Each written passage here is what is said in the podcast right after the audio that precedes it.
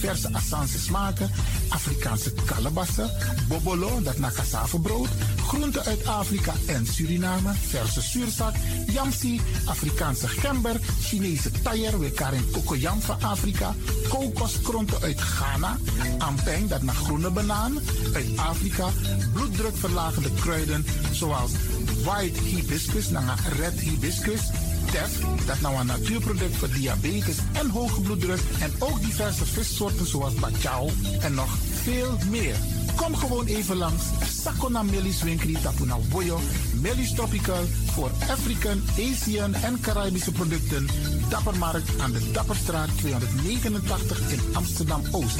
Telefoonnummer is 064 256 6176 of 065 091 2943. Melis Tropical.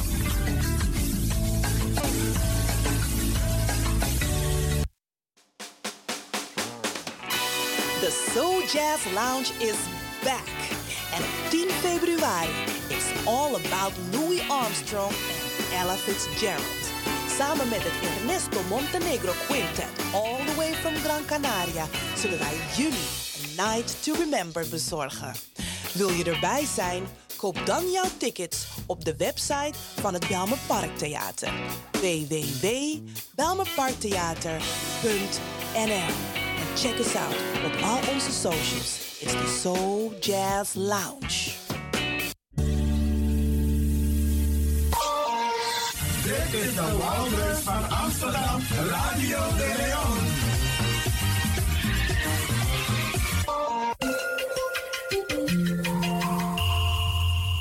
luistert naar Caribbean FM, de stem van Caribisch Amsterdam. Via kabel salto.nl en 107.9 FM in de ether.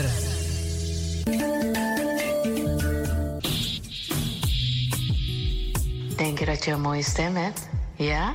Verdien dan geld met je stem. Schrijf je in bij Voice for Fame Amsterdam. Stuur een sample van je ingesproken stem naar twinklesoundapenstaartje met de vermelding van Voice for Fame. Nadat we je stem hebben beluisterd, maak je kans om geselecteerd te worden om in onze studio in te spreken. Je mag natuurlijk ook inzingen, minimaal 30 seconden en maximaal 45 seconden. Ik weet dat het je gaat lukken. Er is mij één ding te zeggen. Doe je best en verdien straks geld met je stem.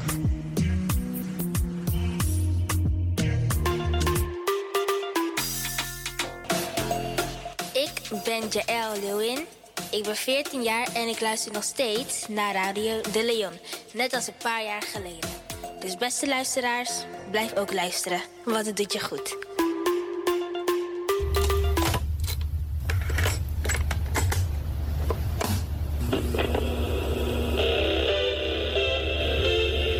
Zo hoeft het niet meer.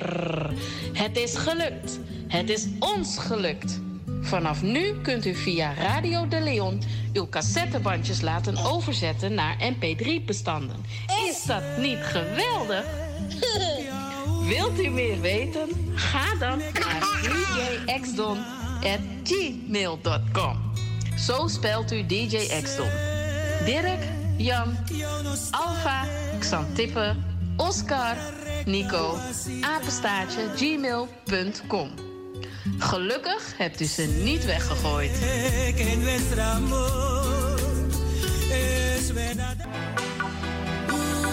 You sabi dat no no de je arki Radio de Leon. Stichting Groen Platform Zuidoost organiseert 24 januari aanstaande een groen café in de kazerne van Rijgenbos. De avond gaat over de zoekgebieden voor Amsterdamse windturbines aan de randen van Zuidoost, de Hoge Dijk, de waternetlocaties aan het Gasperpark en langs het Amsterdam-Rijnkanaal in Driemond. Ook de zoekgebieden van provincie Utrecht langs de A2 en het Gein en van gemeente Diemen in het Diemerbos komen aan de orde. Panel van bewoners, windcoöperaties, politiek, medicus en de stadsbrede organisatie Windalarm zal zoveel mogelijk vragen beantwoorden en uw voor- of afkeer van windturbines binnen of aan de stadsgrenzen toelichten. Het programma ziet er als volgt uit. 18.30 uur. Inloop met koffie, thee en koekjes. 1900 uur. Opening van de avond door Groenplatform Zuidoost. 19.05 uur. Introductie van de panelleden.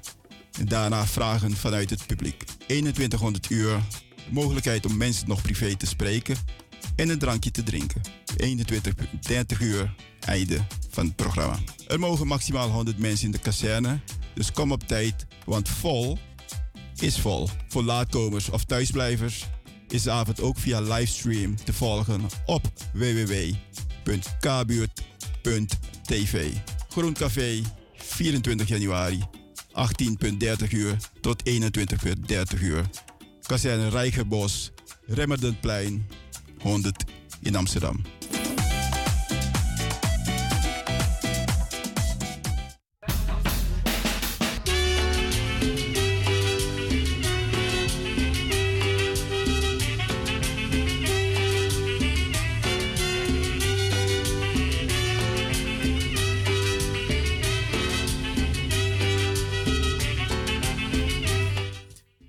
Bent het gewend van Radio de Leon dat wij altijd bijzondere studiogasten hebben. Uit het hele land, ja. Soms ook uit Suriname. Uh, we gaan hem zo meteen aan u voorstellen, maar we gaan even luisteren naar een opname van Deza. Dat is een Surinaamse artiest die een heel mooi nummer heeft gemaakt. En daarna gaan we aan de slag met onze speciale studiogast, Utang Arki. Uh, daarnet werd er bekendgemaakt dat er vanavond in Amsterdam Zuidoost op het Remmerdenplein een paneldiscussie zal plaatsvinden over windturbines. Um, afgelopen zondag had ik Renate hier in de uitzending. En die heeft al helemaal uitgelegd waar de bijeenkomst over gaat. En u wordt uitgenodigd om ook aanwezig te zijn daar bij het winkelcentrum van Rijgersbos. Achter het politiegebouw. Daar is de voormalige brandweer.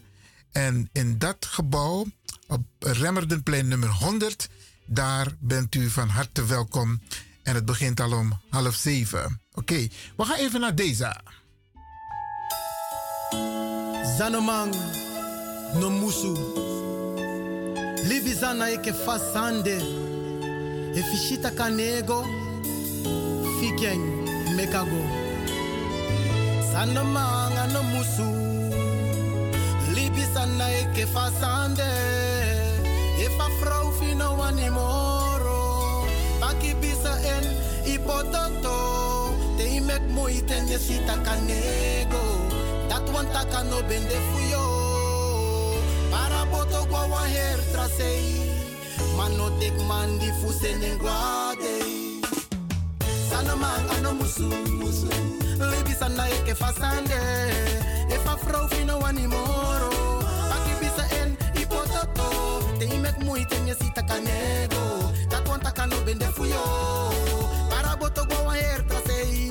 Mano tek man di fusene guade. De kingelijk vaat dem al laat wel merken Dat er meer huizen zijn dan kerken Maar ook op ik zorgen dat je no maar zondering Pikas dweng je lobby stress na van pisting If I know any more of ike me No hopo ya no ke wata you was roto Isore lobby jesa wani toch afenda no no fo moro Bifro fenta kama fe no kango sodoro Yargo yar ponga ma fe neroko matenga de tapa uke smoka jonko Yana fro kore e de fade pje guaskoro Na embroke e de fanyang e guamofo. Na enges don yuroso. Dat mek finka oso jonsro. O yaga dat gwe o naf komo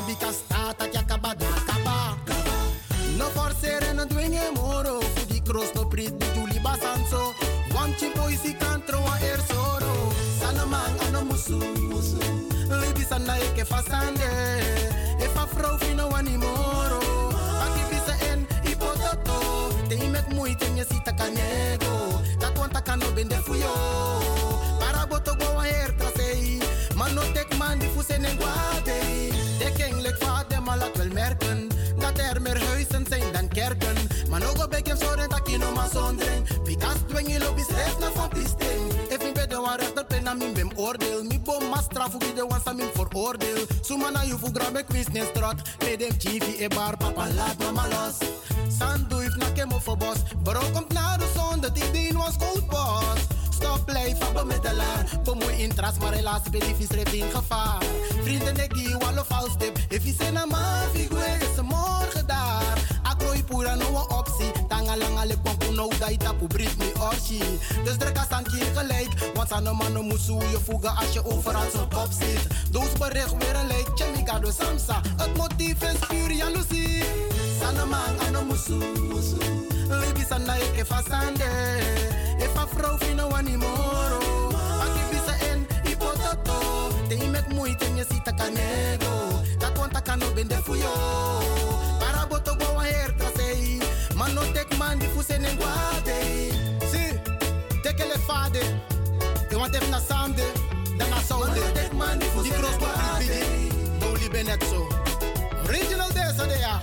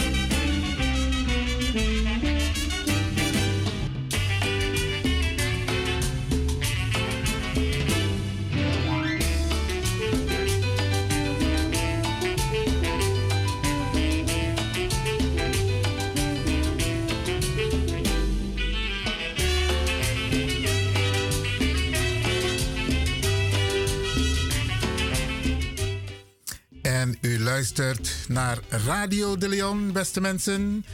En abwang brada in a studio. En ehm, ik ga hem natuurlijk eerst aan u voorstellen. Want ik praat met Dennis Mena.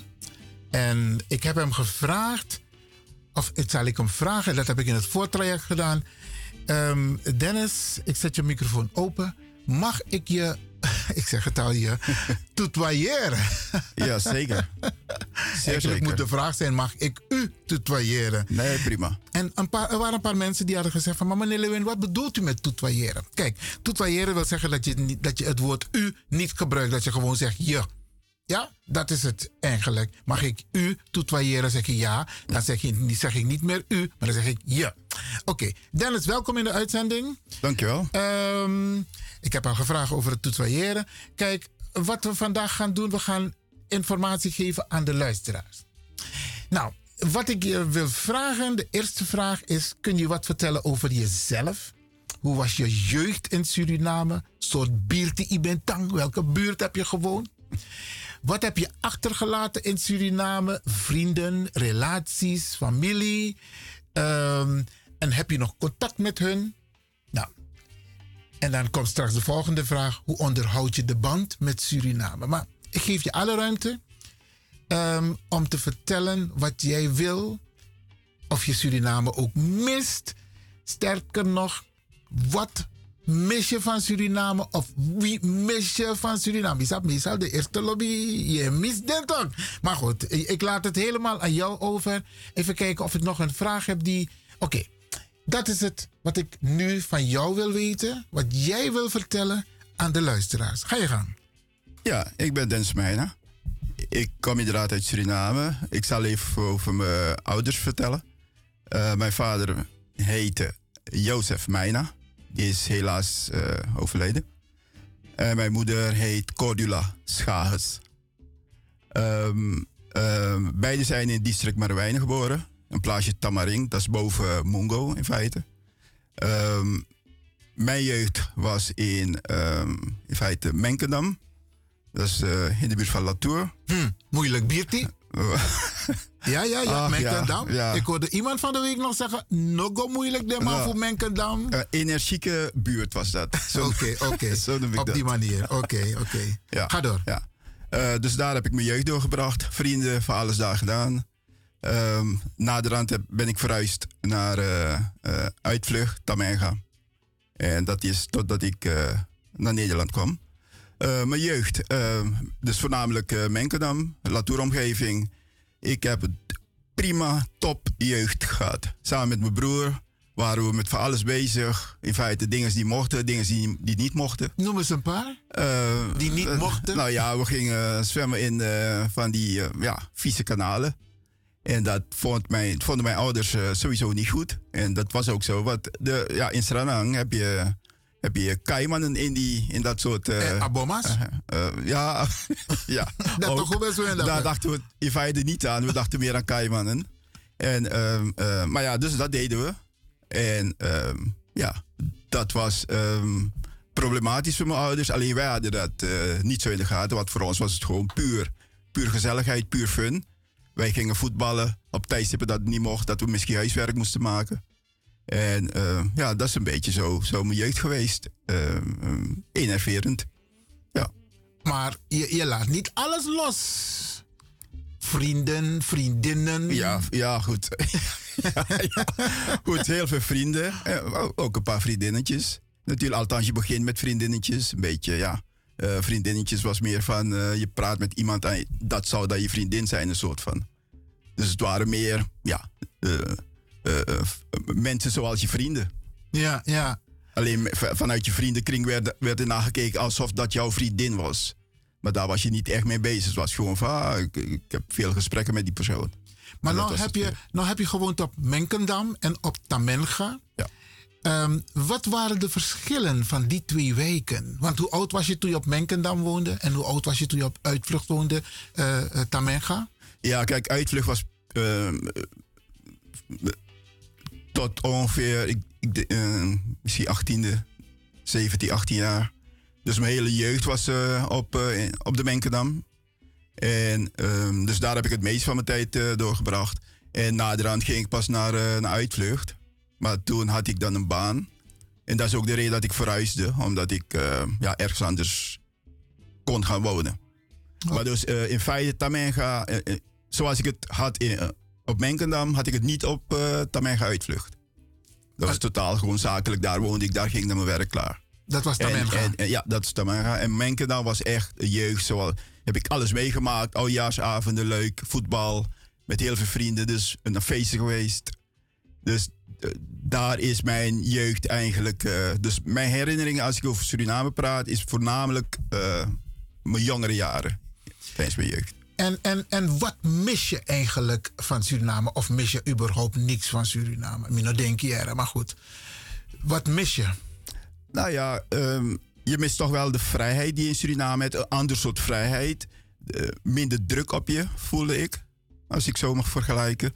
In mijn jeugd was ik, ja, ik, had misschien niet zoveel qua materiaal. Maar, ja, mat, ja aan, aan spullen, wat dan ook. Maar ik had een hele gezonde en, en prettige jeugd. En daardoor maakt dat um, mijn herinneringen um, heel positief zijn. Oké. Okay. Ja. En um, beste luisteraars, ik praat dus hier in de studio met uh, de heer Dennis Mena. En voor alle duidelijkheid, jouw naam wordt geschreven als volgt: M-I-J-N-A. Okay. Dus Mike Isaac, Johan, Nico, Anton. We hebben wat huiswerk gedaan, want we wilden weten waar komt die naam vandaan. Maar ja. Eh, kun je daar wat over vertellen? Ja, daar ben ik een beetje in gebreken gebleven, omdat ik niet verder heb uitgezocht. Uh, ik ben er nog steeds mee bezig. Want ik wilde natuurlijk weten van welk plantage, van welk plantage of waar de naam nou precies uh, vandaan komt. Van welke. Want we hebben allemaal slavennamen natuurlijk, of de meerderheid van ons heeft slavennamen. En ik wilde weten welk uh, van welke ja, plantage de, de naam Mijna of Schagis in feite uh, komt. Maar daar ben ik, ja, helaas moet ik je teleurstellen, nog even. Daar ben ik nog steeds mee bezig. Nou, ik heb, ik heb wel gekeken, maar die naam komt niet voor in, um, zeg maar, de namen die zijn uitgegeven op 1 juli 1863. Dus interessant is het ja. wel om te weten van, hé, hey, Motto. Absoluut. Nou ja. weten wij dat de meeste mensen die nog onze voorouders die nog tot slaaf gemaakt waren op 1 juli, die hebben een naam gekregen. Maar daarvoor hebben ook mensen um, als gevolg van manumissie, dat zijn mensen die bijvoorbeeld voor de slavernij, voor de afschaffing van de slavernij, hun naam hebben gekregen. Ja. Want ze hebben het, sommigen hebben het hebben zich vrijgekocht. Die, die mogelijkheid was er. Maar je hebt ook de mensen in het binnenland die een contract hadden afgesloten met het Koningshuis. Ja. Dat ze dus niet meer achtervolgd zouden worden. Dat zijn de mensen uit het binnenland. En die hebben ook hun eigen namen gecreëerd. Dus het kan, het kan dat een van die twee, want de naam komt ergens vandaan. Sowieso. Maar ik neem aan, dit is niet je eerste keer bij Radio de Leon, dus we hebben wat huiswerk. Daarom. Dus dat komt zeker nog aan bod. Oké, oké. En, en zijn er bijvoorbeeld namen die gerelateerd zijn aan de familienaam Mena? Uh, voor zover ik weet niet. Niet. Okay. Kijk, als ik over Mena praat, praat ik altijd over Schaai. Dus ik praat altijd over beide namen. Maar uh, om bij jouw vraag te blijven, dat zou ik niet weten. Oké, okay, oké. Okay. Ja, beste mensen, ik praat dus hier met uh, Dennis Mena, M-I-J-N-A. En um, we praten met hem over Suriname. Welk jaar ben je naar Nederland gekomen? Even kijken. Ehm, de laatste keer was, uh, dus al, althans... Voor de eerste keer, ik, hè? Nee, toen ik hier vastkwam was in... 1992. Ehm, en dat was um, in feite dat ik besloot van dit is het, ik ga nergens, ik ga niet meer terug. Ja. Omdat ik daarvoor vaak naar het buitenland ging, ook althans één keer langdurig naar Amerika. Oké, okay. oké, maar naar Nederland ben je dus voor het eerst in 1992 gekomen. Ja. Oké, okay. en hoe was het toen je vertrok?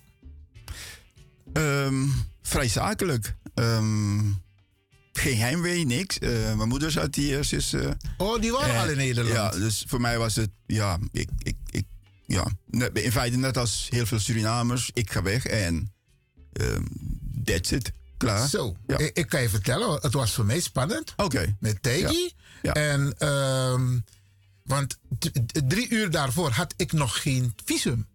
Oh, zo. Oké. Okay. ja. En ik heb huilende mensen achtergelaten. Oké. Okay. Ja, ja, ja, ja, ja. Het is voor iedereen eigenlijk een aparte ervaring. Uh, absoluut. Ja, ik zei wel uh, heel zakelijk, maar dat klopt wel een beetje wat je zegt, de spanning. Maar dat, dat was meer van. Um, ik, uh, ik had. Ik weet niet of ik gedoe had met, met de trip hierheen. Dus van. Heb ik wel een oké-ticket? dus dat was het meer van. hey, ik heb wel een oké-ticket en ik hoop ook dat ik op de vlucht zit. Dus dat was het meer, maar niet van. Um, uh, huilende mensen die mij uh, kwamen uitzwaaien op zanderij. Dat was, nee, dat was niet het geval. Ik weet nog, nee. bij de buren, dat waren Hindoestaanse buren, okay. daar gingen twee bussen mee vol Zo? met mensen naar zanderij. Zo. Ja, om één persoon uh, ja. weg te brengen. Hè? Nou, dat was je. Zo. Had je iets meer status dan, denk ik, dan ik. nee, maar het, het geeft wel aan ja. hoe die band is, hè? Ja, zeker. Oké. Okay. We gaan even wat muziek zetten. En dan komen we zo terug. Beste luisteraars, ik praat dus hier met Dennis Meijna. Helemaal uit Zuid-Holland, zeg ik het goed? Ja, ja Zuid-Holland naar Noord-Holland. Ja. ja, ja. En uh, we praten met hem, maar we gaan nog meer dingen met hem bespreken. Ja, oké. Okay.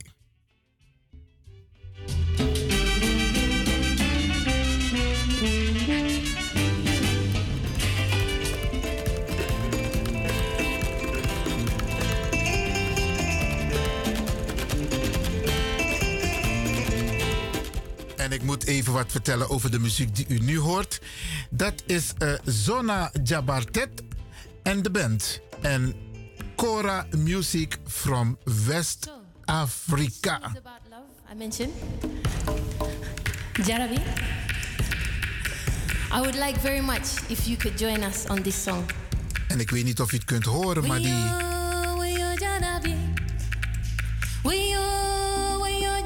Die salsa klikken. Tak, tak, tak, tak, tak, tak, tak, tak, tak. Cora muziek uit West-Afrika. Geniet er maar. Yeah, or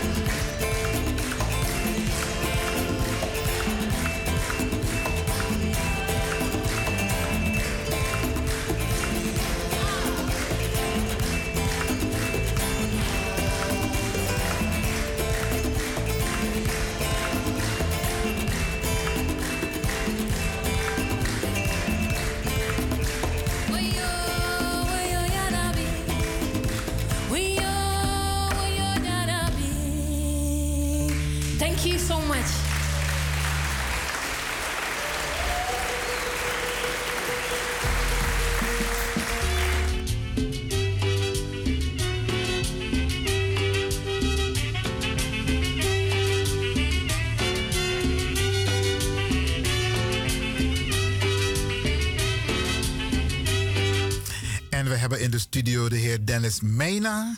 En we praten met hem over eh, Suriname. Maar straks gaan we met hem praten, want hij is nog niet klaar hier. Nee, nee, nee. Straks gaan we met Dennis Mena praten over Nederland. Maar we er nou even eten. Dennis, een sport. Want je ziet er sportief uit. Je snapt solliciteren, je bereikt bepaalde leeftijd. Ja, beren toch? Nou, heb ik niet zo reserve van. Hé, hey, hou rekening met me. Maar bij jou zie ik dat niet. Maar vertel, sport in Suriname. Hoe, was, hoe actief was jij daar? Ehm, redelijk sportief ook. Ehm, ehm, eerst ja, voetballen natuurlijk samen met mijn broer. Gingen we voetballen. En, maar ik deed ook al karate. Oké. En later atletiek. En eh, eh, ben je ooit een keer uitgekomen voor Suriname? Heb je, heb je professionele sport gedaan in Suriname? Of semi-prof? Karate niet. Karate deed ik, eh, heb ik enkele banden daar. Ja, eh, je begint oranje, groen en dat soort dingen. Oranje. En dat ging je door. Dus dat was middelmatig niveau, zeg maar. Maar later ging ik meedoen aan atletiek. 800, 400 meter. En daar ben ik wel uitgekomen voor Suriname. Ehm, gingen we met Surinaams eh, nationale selectie naar het buitenland. Eh Inter-Guyanese, dus in het Caribisch, Caribisch gebied hoor. Ja, oké. En hebben we daar deelgenomen aan eh, meerdere wedstrijden. Oké. Ja. En ehm, hoe, was jouw, hoe heb je dat beleefd in Suriname? Dat je mee mocht namens oh, Suriname? geweldig natuurlijk. Ja, geweldig. Suriname op het podium ja, zetten? tuurlijk. Het feit dat je geselecteerd was voor een nationale selectie, voor onze nationale selectie toen. Ja, dat was voor mij een heel groot ding. En voor, voor- voor- voor vrienden ook. Iedereen vond dat ook geweldig. Mijn familie natuurlijk. Die waren hartstikke blij. Ik ook. Eh, dus die tijd heb ik eh, als eh, ja, heel, heel plezierig ervaren. Mooi man. En ehm, was je, had, je, had je clubs? Was je lid van clubs? Ik was van? Roda, atletiek vereniging, Roda. En daar trainde trainer Held, die was mijn trainer. Maar voor de nationale selectie had je de heer Wiebers en Benjamin, als ik mij goed kan herinneren. Die twee waren de trainers van de nationale selectie. Mooi man. Heb je nog wat prijzen binnengehaald voor Suriname? Eh, helaas niet. Of was je in de buurt plaats. van de Ja, prijzen? bijna zeg maar, bijna. Vierde. nou, vierde is toch wel wat Ja, hoor. bijna, ja. Oké, oké. Mooi man. Ehm, Dennis, we hebben het nu in dit uur over Suriname. Straks over Nederland. Ehm, als je het hebt, misschien moet je even een vergelijk maken. Maar dan sect over Suriname. Ehm, je kwam naar Nederland. We gaan nog niet hebben over Nederland. Maar wat ik jou wil vragen is... Wat miste je gelijk toen je in Nederland aankwam van Suriname? Ehm, kijk, in eh, de vrijheid. In Suriname heb ik eh, vanaf mijn achttiende gewerkt. En dat tot ja, enkele jaren. Dus ik was gewend om voor mezelf te zorgen. Ik had alles, althans alles. Ik kon dus redelijk de dingen kopen die nodig waren voor mezelf. En ik kwam hier in Nederland en toen was het eh, ja, even pas op de plaats. Omdat eerst je eh, documenten, je papieren eerst in orde gemaakt moesten worden. Dus dat was voor mij wel ehm, ja, een soort van zenuwslopende tijd, kan je, het, eh, kan je het wel noemen. Want ja, hoe lang duurt dit? Ja. Na twee maanden had ik zoiets van, ja, waarom twee maanden? Waarom zo lang? Dus, in die, dus dat miste ik wel, dat ik eh, gewend was bijna te doen wat ik wilde.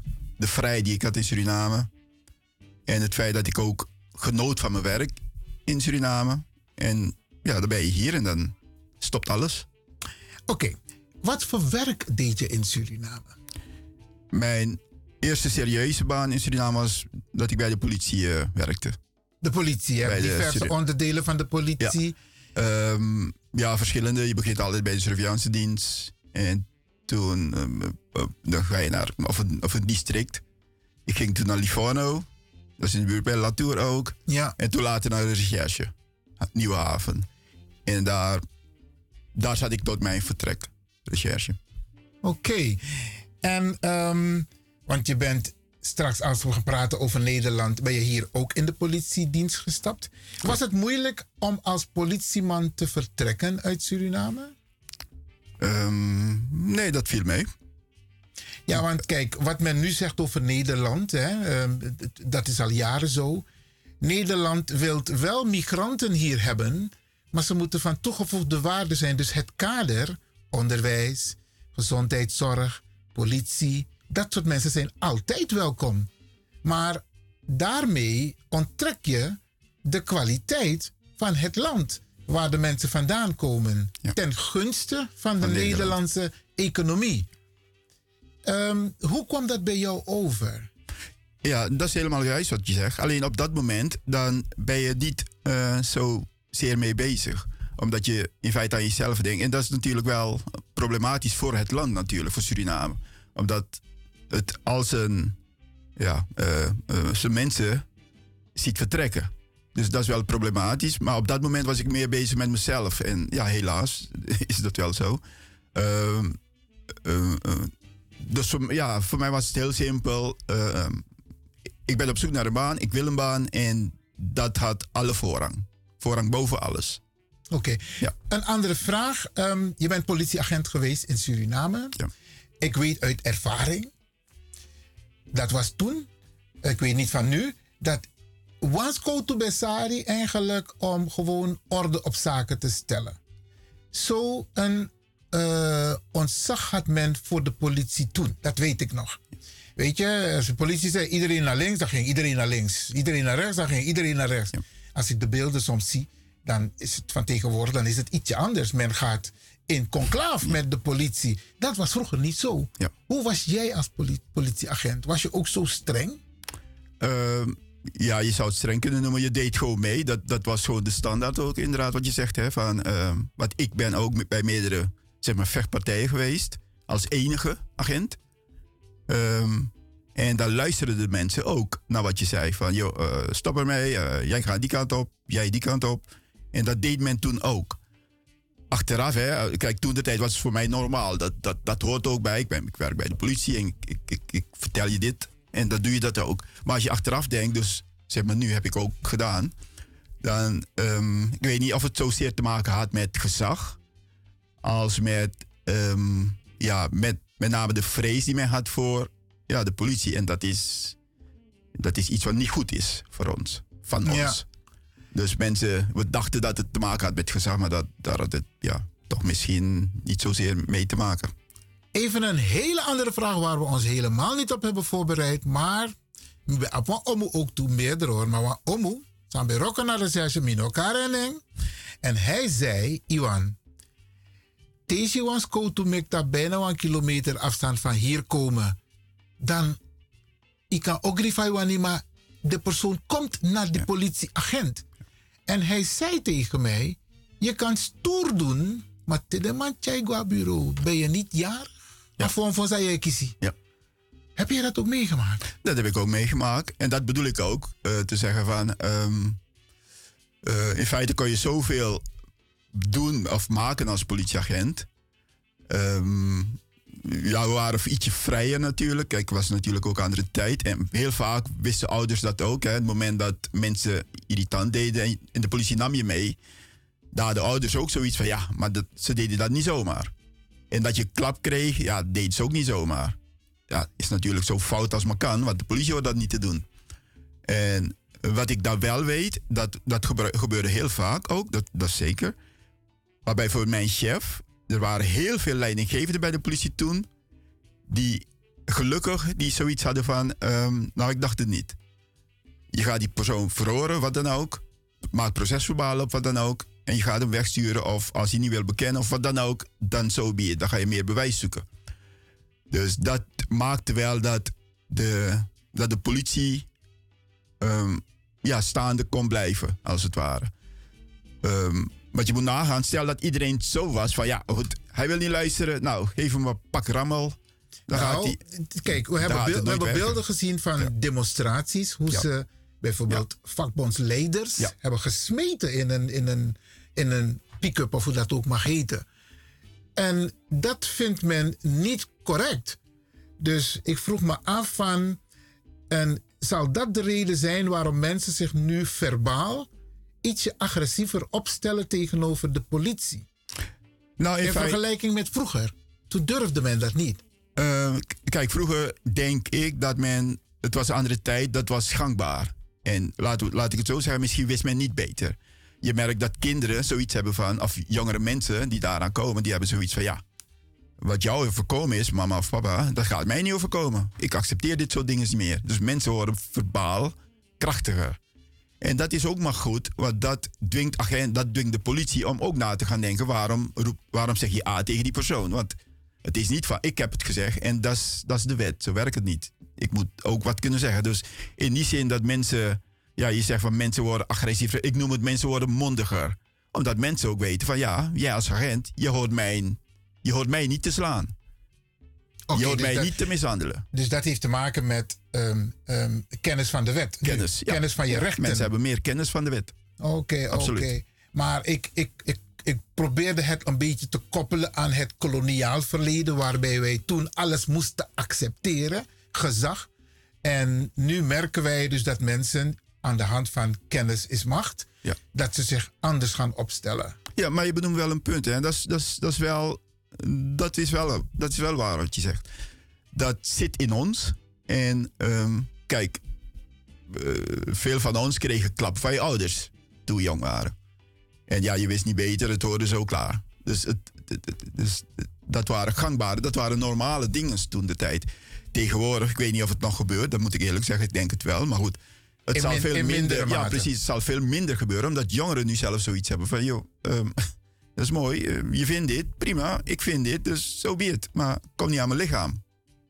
Dus ja, doordat men mensen uh, mondiger worden, dwingt men in feite de overheid in dit geval, de, zeg maar de politie, om ook even pas op de plaats te maken. Het gebeurt niet helemaal zoals het hoort. Zoals je net zei, van de politie gooit een vakbondsleider in, een, in de bak, achterbak, een laadbak van een pick-up. Ja, dat zijn dingen die ook niet kunnen.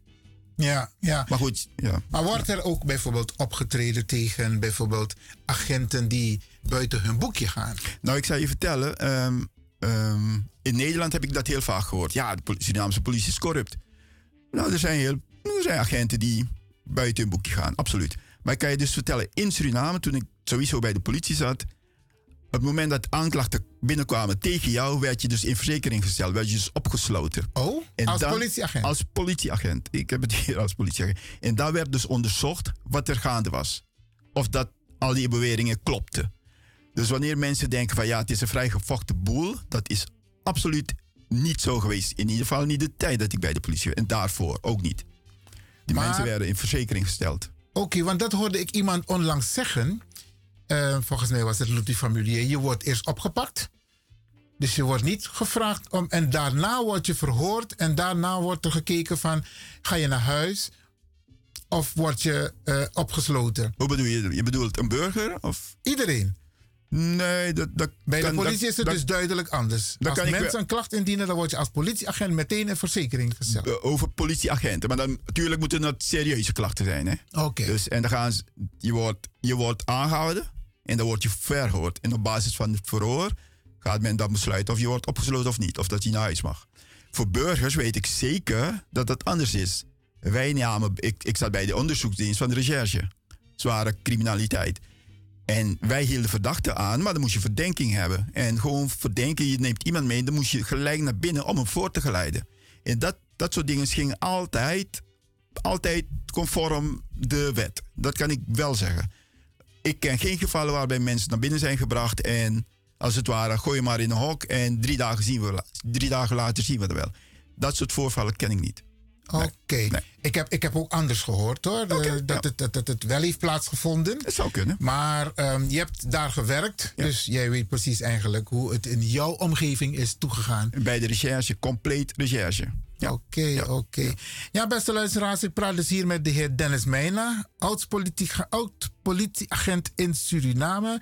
En we hebben het nu sect over Suriname, maar straks gaan we met hem praten over zijn uh, ja, zijn ervaring hier in Nederland. En ik nodig u uit om ook te luisteren, met name onze jongeren. Want hij heeft heel veel eh, positieve adviezen voor onze jongeren. Dennis, heb je nog iets over Sernangsa Iwan Taki even? Want dan kan dat nu nog. Want dadelijk Sranamang, altijd Sranamang. Mhm. Oké, Sanama, altijd Sanama. En welke club, welke voetbalclub was jouw favoriete vo- vo- voetbalclub? Eh, Robin Hood. Oké, oké. Robin Hood later Real, en, en, en later Real Mogotapu. Oh, oké, oké, oké. Maar toen was ik al weg.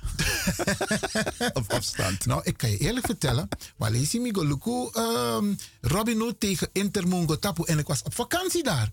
Maar ik ben van Robin Hood. Dus dan is Don Tapu tribune, jongen. Met Kragi Robin Oké, Hood. oké. hey, de mas zijn ik kon hem.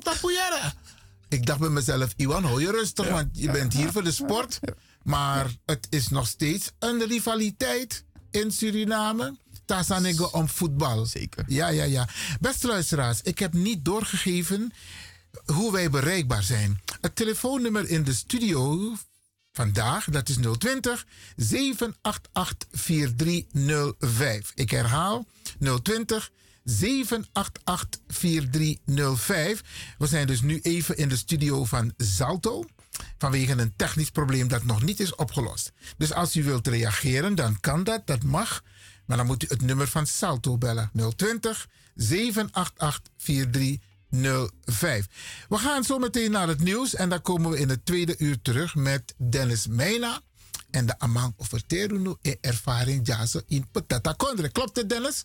Klopt helemaal. Oké.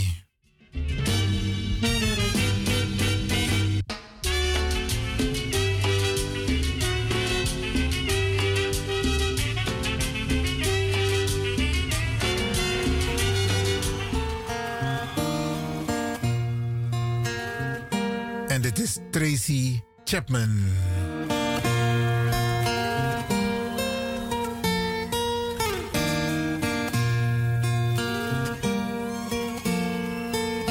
You got a fast car, and I want anywhere.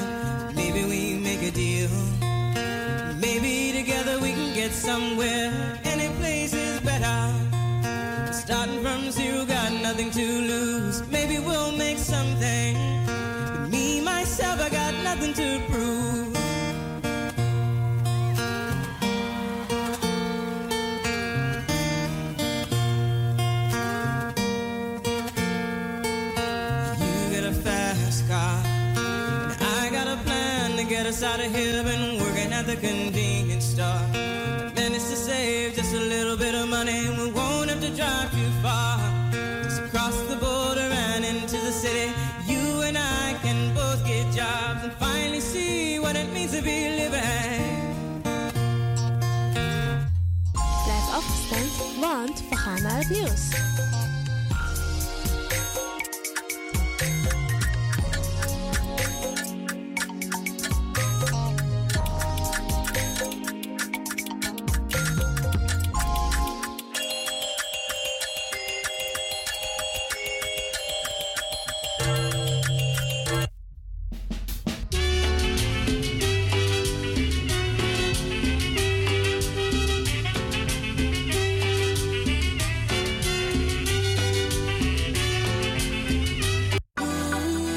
Dat no no there. Je arki Radio de Leon. In your ways by chance, no.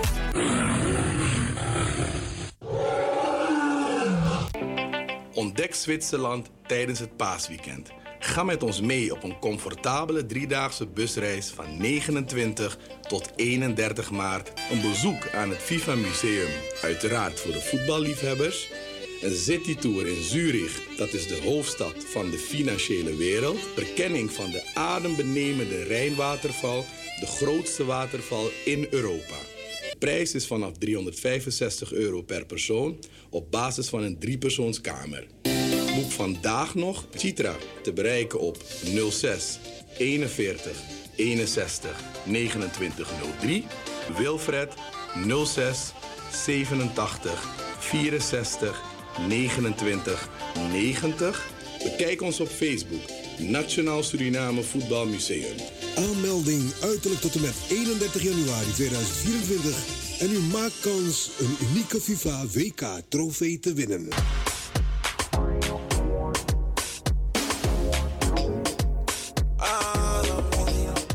Angry Ekirmi. Heb je vandaag geen zin om te koken, maar wel trek in lekker eten?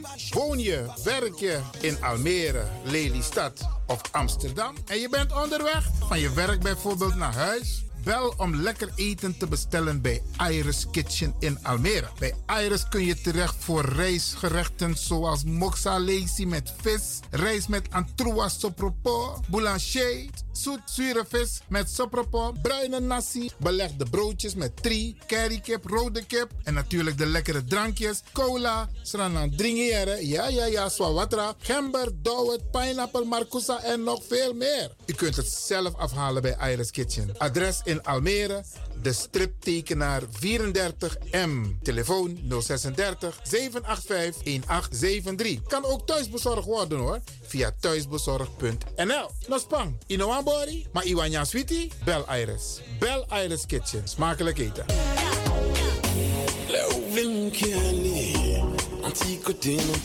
The Soul Jazz Lounge is back. En op 10 februari all about Louis Armstrong en Ella Fitzgerald. Samen met het Ernesto Montenegro Quintet, all the way from Gran Canaria, zullen wij jullie a Night to Remember bezorgen. Wil je erbij zijn? Koop dan jouw tickets op de website van het Belmer Parktheater.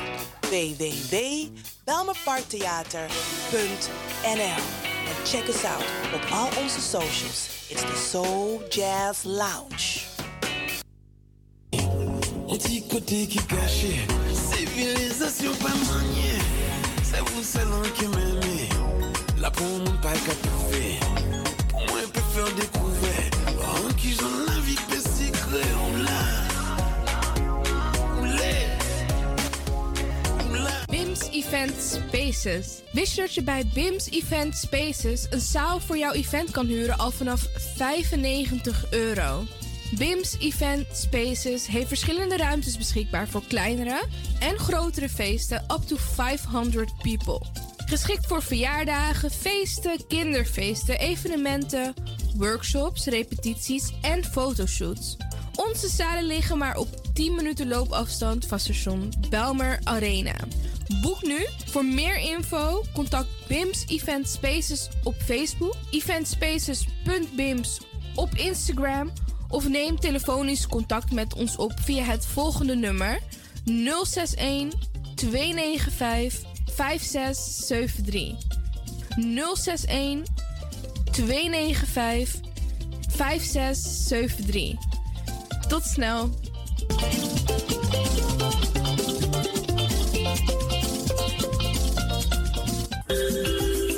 Goed nieuws, speciaal voor diabetes. Dankzij de alternatieve behandelmethode tot 40% minder insuline nodig, vooral bij diabetes. De sopropocapsule, de bekende insulineachtige plant, in een capsulevorm.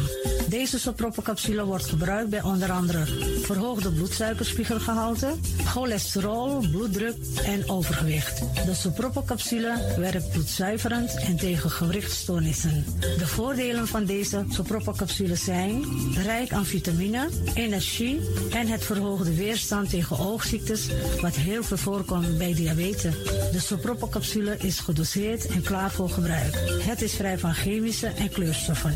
Voor meer informatie kunt u contact opnemen met Sarita Debi Dewari, telefoonnummer 061 543 0703. 061 543 0703.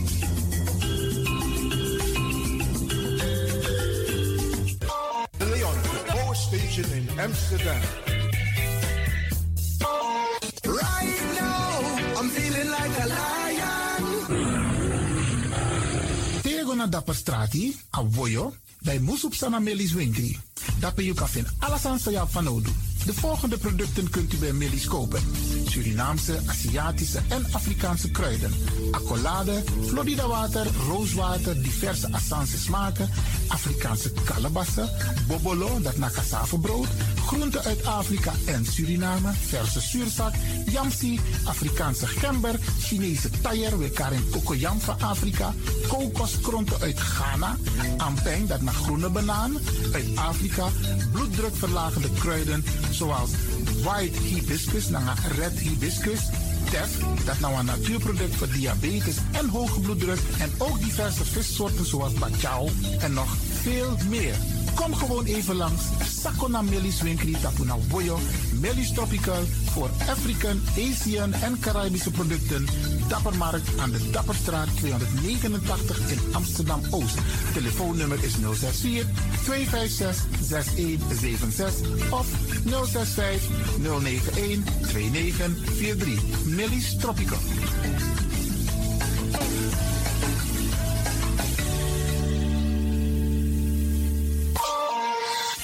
Dit is de Wouders van Amsterdam, Radio de Leon.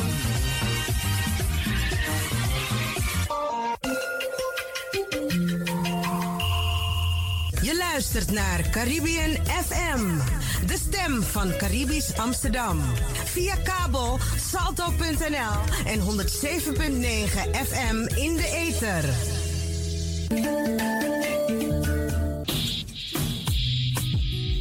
Denk je dat je een mooie stem hebt? Ja? Verdien dan geld met je stem.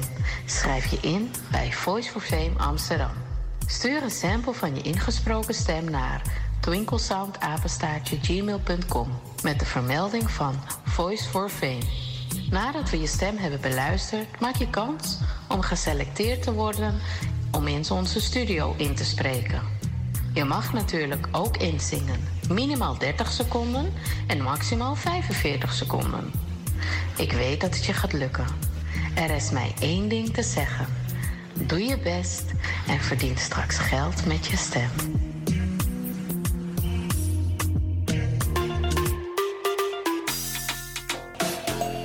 Ik ben Jaël Leeuwin. Ik ben 14 jaar en ik luister nog steeds naar Radio De Leon. Net als een paar jaar geleden. Dus beste luisteraars, blijf ook luisteren, want het doet je goed.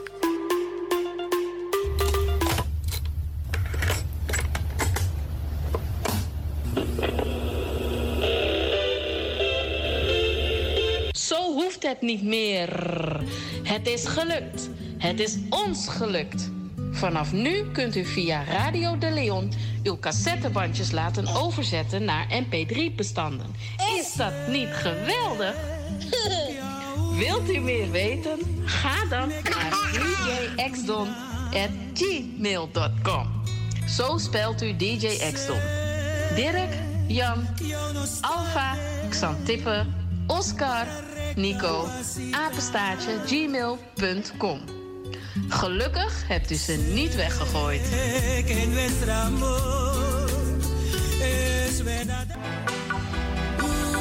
You sabi dat no no there, je arki Radio de Leon.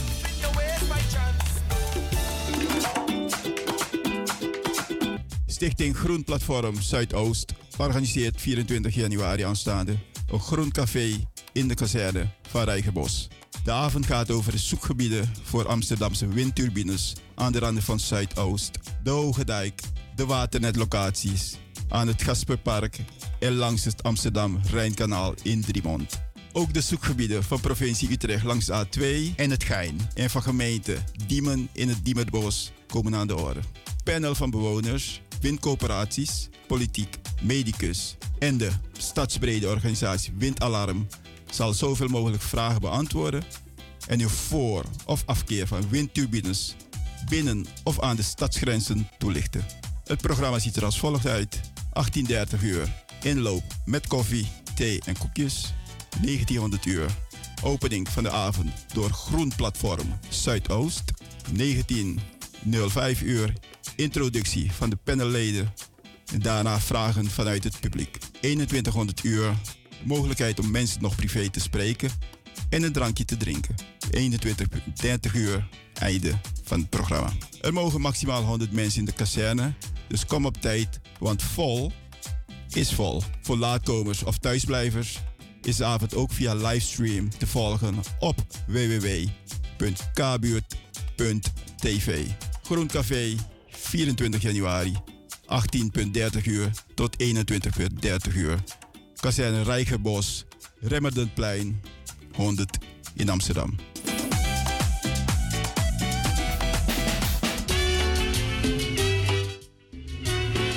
En dat is vanavond, eh, beste mensen. Vooral de mensen die wonen in Amsterdam Zuidoost en gebruik maken van de mooie recreatieruimte daarbij de Gasperplas. Usabida Pepe Balorigde. Daar gaan in de zomer heel veel mensen recreëren. De kinderen genieten van eh, eh, het terrein, van het, van, het, van het water. En daar in de buurt wil men die windturbines gaan plaatsen. En als u daar als u wat over wilt weten extra, dan bent u van harte welkom vanavond, beste mensen. Vooral de mensen die wonen in Gein, Regensbos. Laat je stem horen en ga vanavond naar die bijeenkomst waar er informatie gegeven zal worden over de windturbines. Ja, de, de, de molen zou je draaien in een dappen. Het heeft nogal wat consequenties, beste mensen. En ze willen ze, de, de gemeente Amsterdam is voornemens om dat gebied te onderzoeken om te kijken of uh, die windturbines daar ook geplaatst kunnen worden. En als je dat niet wilt, beste mensen, dan nodig ik u uit om vanavond aanwezig te zijn. Remmerdenplein 100 bij het winkelcentrum van Rijgersbos. Vooral desmasang no ego naar buitenland voor vakantie, vakantie, maar de njande vakantie, dappen naar Gasperplas. Nou, uw vakantie wordt daar verstoord. Want in Spanje zie je nergens aan die stranden die windturbines. Nee, nee, nee, daar moeten mensen kunnen genieten. En dat willen wij ook in Amsterdam Zuidoost.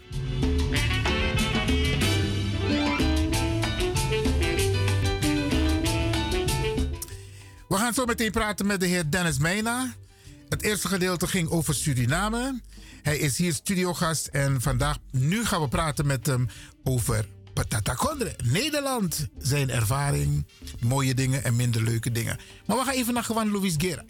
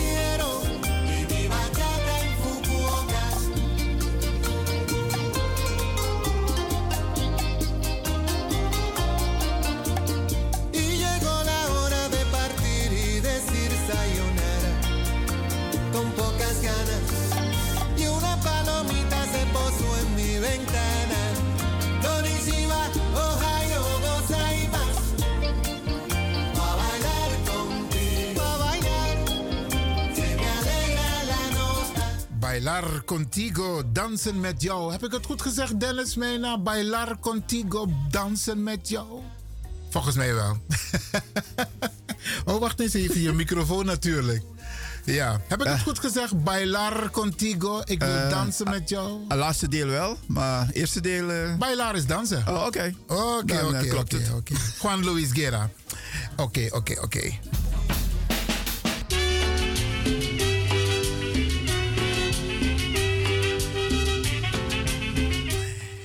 We praten ook in dit uur met Dennis Mena. Dennis, ik heb jou al geïntroduceerd in het eerste uur, maar voor de, de luisteraars die net hebben ingeschakeld, even in het kort, wie is Dennis Mena? Dennis Mena, geboren en getogen in Paramaribo Su. Uh, sinds een aantal jaren hier in Nederland. Geweldig jeugd gehad in Suriname. En ik probeer dat ook voort te zetten in Tata. Hm. Ik kan u wel vertellen hoor, beste mensen. Aan jere eh, eerste euro. Dennis ben zwem minder dan Kaiman. no. Anomitachi? No. Oké, oké. Dennis, je bent naar Nederland gekomen. Um, het was natuurlijk voor jou een cultuurshock. Sowieso qua weer, maar ook qua infrastructuur. Je komt uit Suriname, niet één snelweg en de Iconja's, dat je los snelweg, autoweg, provinciale weg. Hoe heb jij die cultuurshock ervaren? Ehm, ja, misschien toch minder, omdat ik voordat ik hierin kwam, eh, was ik al naar Amerika geweest in ehm, San Francisco bij in Californië. En daar is vele malen groter, bleek achteraf hoor, daar is vele malen groter dan Nederland. Dus toen ik in Nederland aankwam, ik weet nog de rit vanaf Schiphol, zo naar waar ik naartoe ging, had ik juist zoiets van, ik zie alleen maar weilanden. Waar zijn al die huizen? Of komen we nog een keer bij huis of zo? Oké. Dus dat was eigenlijk dat ik dacht van, ben ik in het dorp terechtgekomen in plaats van wolkenkrabbers die ik als eerste gezien had. Oké, dus, je dus- zag niet meteen, maar dat is altijd in de, in de buurt van een vliegveld. Ja, ja, ja maar, goed. dat is wat jou is opgevallen. Ja, ja. Oké, ik zal niet vertellen wat mij is opgevallen, want ik heb het altijd met mensen hierover. Nederland was 400 jaar de baas over Suriname en niet één snelweg hebben ze aangelegd. Terwijl Tekonja A1, A6, A9, A4, hey. Alles is perfect. Ja, perfect geregeld. Oké, daar hebben we het de andere keer over. We gaan door. Het gaat over je cultuurshock. Um, ik wil met je praten over jouw ervaringen in Nederland, vooral op de werkvloer. Want je hebt gewerkt bij de politie. Um, wat praktische tips voor de luisteraars aan het begin hiervan? Uh, tips, uh, je bedoelt omgaan met de politie ja, of dan ook? Ja, uh, misschien komen we straks daarop. Maar je hebt bijvoorbeeld gewerkt in Suriname bij de politie. Ja. En je werkt niet meer bij de politie hier in Nederland. Ja, toch wel bij de academie. Je werkt nog steeds als bij gast, de, als gast, als gastdocent. ja. Oké, maar je bent dus niet meer in het praktische gedeelte. Nee, het operationeel gedeelte, daar doe ik niet aan mee. Nee, Oké, oké. Okay, Kun je de luisteraars meenemen in jouw verhaal als het gaat om jouw werkzaamheden die je hebt gehad als operationele politieagent? Want er is nogal wat in het nieuws verschenen, maar we praten nu met jou over jouw ervaringen. En wat mij betreft kun je uitgebreid zeggen wat je wil. Ja, inderdaad. Ik ben uh, begin jaren 90, uh, eh, sowieso in de jaren 90 bij de Nederlandse politie gegaan. Dat was toen Dordrecht. Tegenwoordig heet dat Rotterdam, dus de, e-, de eenheid Rotterdam. Maar dat was toen uh, Zuid-Holland-Zuid bij Dordrecht. Um, en in feite, toen ik daar begon te werken, had ik wel zoiets van. Dat schrok ik wel, moet ik zeggen. Over de omgangsvormen intern. Omdat, um, ja, je komt binnen. Um, je zit aan de koffietafel meerdere collega's. En de uitspraken die daar werden gedaan over mensen zoals ik. Over racisme, dus over uh, de K-woorden die voorbij vlogen. Dat ik om me heen keek en dacht, ik zit toch hier met collega politieagenten, man, vrouw, leidinggevende, van alles zat erbij. Dus dat was voor, dat was voor mij cultuurshock. Dat, dat kreeg ik een shock in Nederland. Dat ik dacht van, hoe is dit mogelijk? Hoe dus kunnen wij... Je bent politieagent en je bent tussen je collega's en men praat over jouw mensen. Over, andere, over ik noem het buitenlanders. Dus iedereen die niet weet is, is buitenlander. Ja. Over mensen zoals ik, mensen die uitzien zoals ik. En dat was echt voor mij dat ik dacht van, ik moet hier weg. Ik wil vluchten. Dus dat was de shock voor mij in Nederland. Tot dat moment had ik dat niet, omdat ik, ja, je komt binnen, je, je ziet dingen op het nieuws, je hebt een paar kleine baantjes, je, je doet voor alles. Je, maar zo, zo erg had ik het in feite niet meegemaakt. Met name, wat maakt het zo erg? Omdat ik bij de politie was. Ik was politieambtenaar, althans, ik begon toen te werken. In feite, de reden dat ik tot vandaag, dat ik agent ben gebleven, lag aan weet ik nog aan mijn twee, twee eerste begeleiders toen. Want de eerste periode van je opleiding, van je academieperiode, krijg je dan een begeleider. En als je bijna zo ver bent om af te ronden, krijg je een andere begeleider. En die twee begeleiders van mij, ik moet zeggen dat die twee mensen ervoor hebben gezorgd dat ik nog bij de politie ben gebleven. Omdat die, die wisten wat er gebeurde, die zagen ook wat er gebeurde. En die zagen ook wat er met mij gebeurde, wat er met mij deed.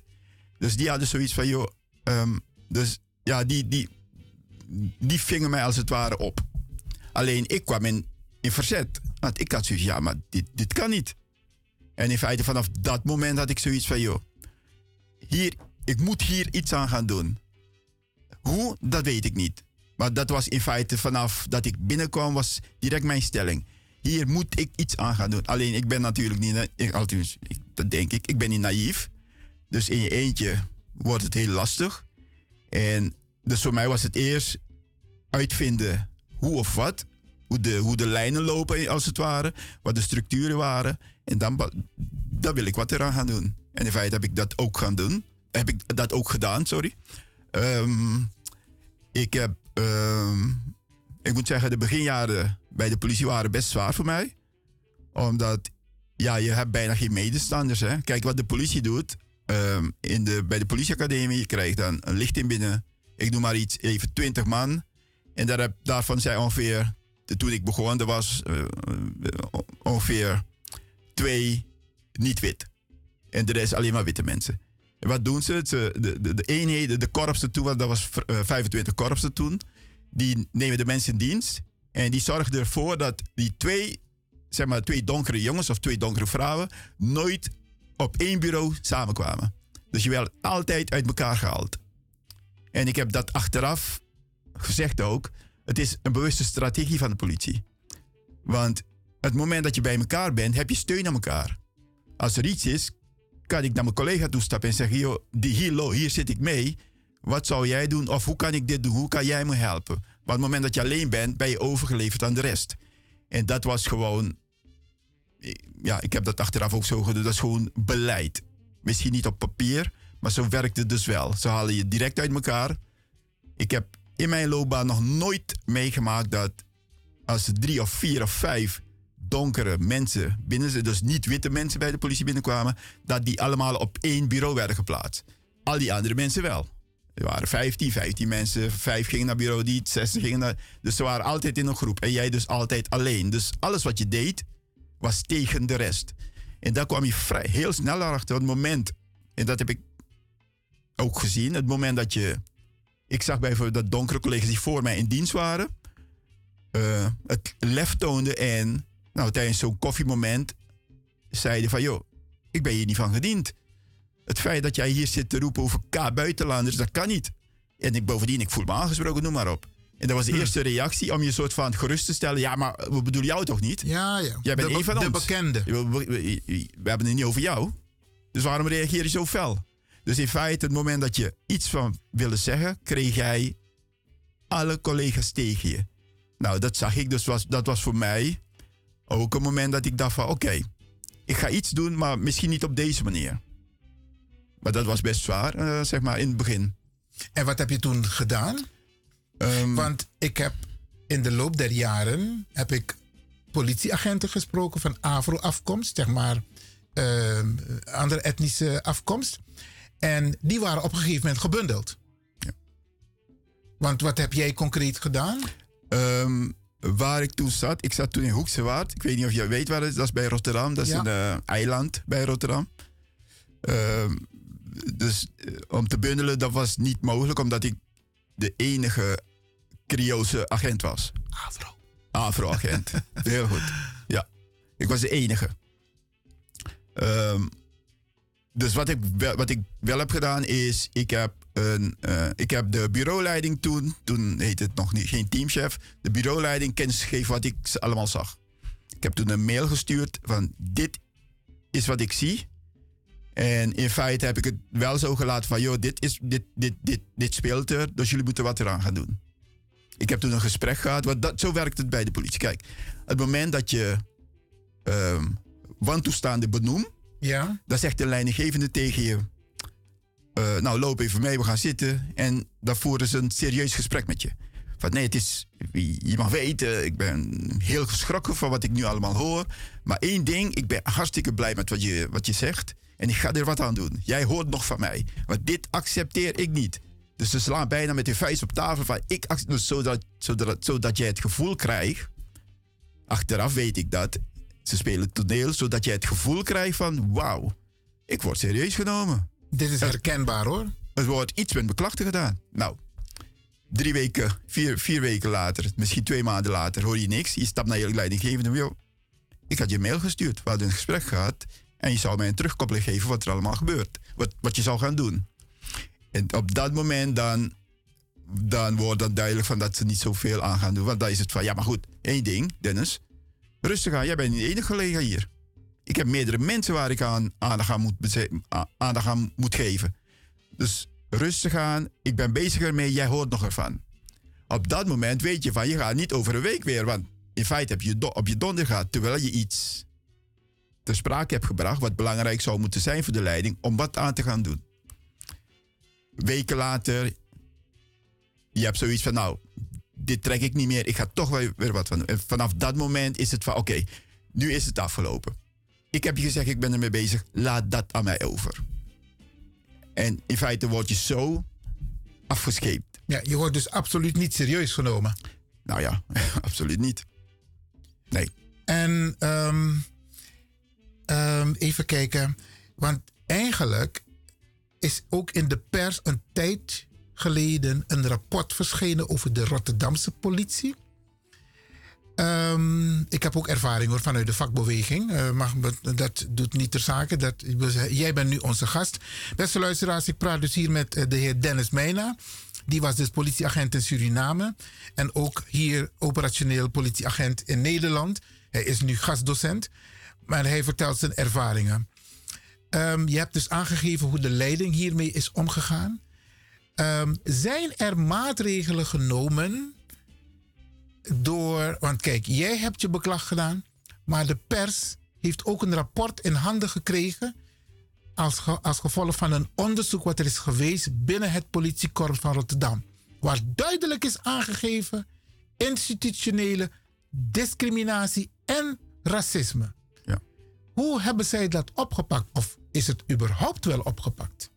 Nou ja, kijk, ehm, dat onderzoek waar je naar verwijst, ik denk, ehm, je bedoelt over de appgroep in Rotterdam? Van die, Nou, het, het, het, het onderzoek ehm, gaf aan dat er veel racisme is binnen het korps. Dus tegenover mensen van etnische afkomst. Dan is het de zoveelste melding geweest, of zoveelste rapport moet ik zeggen. Want eh, je moet nagaan, eh, ik weet niet of je hem kent, Sinan Sankaya. Dat is een antropoloog. Die kwam bij de Nederlandse politie in dienst. En die heeft daarna een rapport geschreven. Dat verscheen in 2011, 2012 over veiliger buiten dan binnen. Of buiten veiliger dan binnen. Ja. Ehm, en dat ging over etnisch profileren naar burgers toe en racisme intern bij de politie. Ehm, je hebt het over de zaak van Rotterdam. Daar, daar, daar weet ik van in het nieuws, of omdat ik collega's in Rotterdam gesproken heb. Kijk, mijn persoonlijke ervaring is deze. Ehm, in, ehm, ik denk 2010, ehm, heb ik andere, wat jouw, jouw eerste vraag was, heb, wat hebben ze toen gedaan met mijn eerste rapport? Eerste melding, niets, klaar, niets. Ze hebben niks mee gedaan. Ik heb in 2010 ongeveer, denk ik, een melding gedaan. Toen zat ik op een ander bureau in Den Haag, want ik zat toen in Den Haag. Ik heb toen een rapport geschreven over racisme intern op het bureau, op een van de bureaus, op bureau Delft.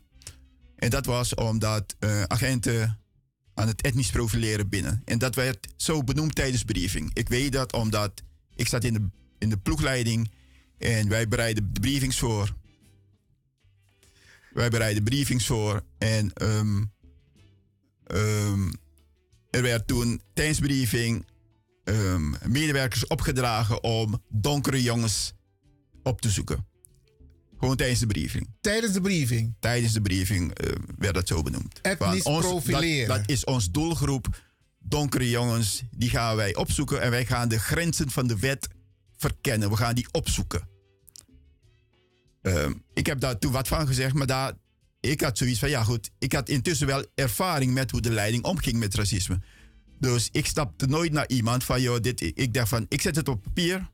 En intussen dacht ik, intussen had ik een leidinggevende functie, dus ik dacht van, ik ga nu dingen eisen. Dus ik heb toen geschreven van, dit speelt er op ons bureau. Wat gaan jullie eraan doen en binnen welk bestek? Want ik heb een onveilige werkplek en ik wil dat jullie daar wat aan doen. De reden dat ik dat schreef, ik zal even twee voorbeelden geven. Uit een reeks, maar ik, geef je, ik, ik zal het bij twee houden. Ehm, eh, de politie heeft, moet zich aan richtlijnen houden. Onder andere één daarvan is... het moment dat je iemand staande houdt op straat... mensen noemen het vaak aanhouden, maar het heet staande houding. Als iemand door rood licht rijdt en de politie stopt je, heet dat, is dat officieel een staande houding. De politie moet bij mag bij een staande houding een burger maximaal drie bekeuringen geven. Maximaal. Per gebeurtenis. Dus niet van je krijgt nu drie en je rijdt door en je begaat. Dan, dan kunnen ze weer in theorie weer drie uitschrijven. Maar per gebeurtenis mogen ze maximaal drie bekeuringen uitschrijven. Maar die agent mag er ook zelf voor kiezen om maar één te schrijven. Want we hebben discretionaire bevoegdheden. Dat betekent dat je zelf mag bepalen wanneer, of je het belangrijk vindt om te schrijven, ja of niet. Oké. Wat is er gebeurd? Voorbeelden op mijn bureau. Dat twee agenten een burger staande houdt, een donkere jongen staande houdt.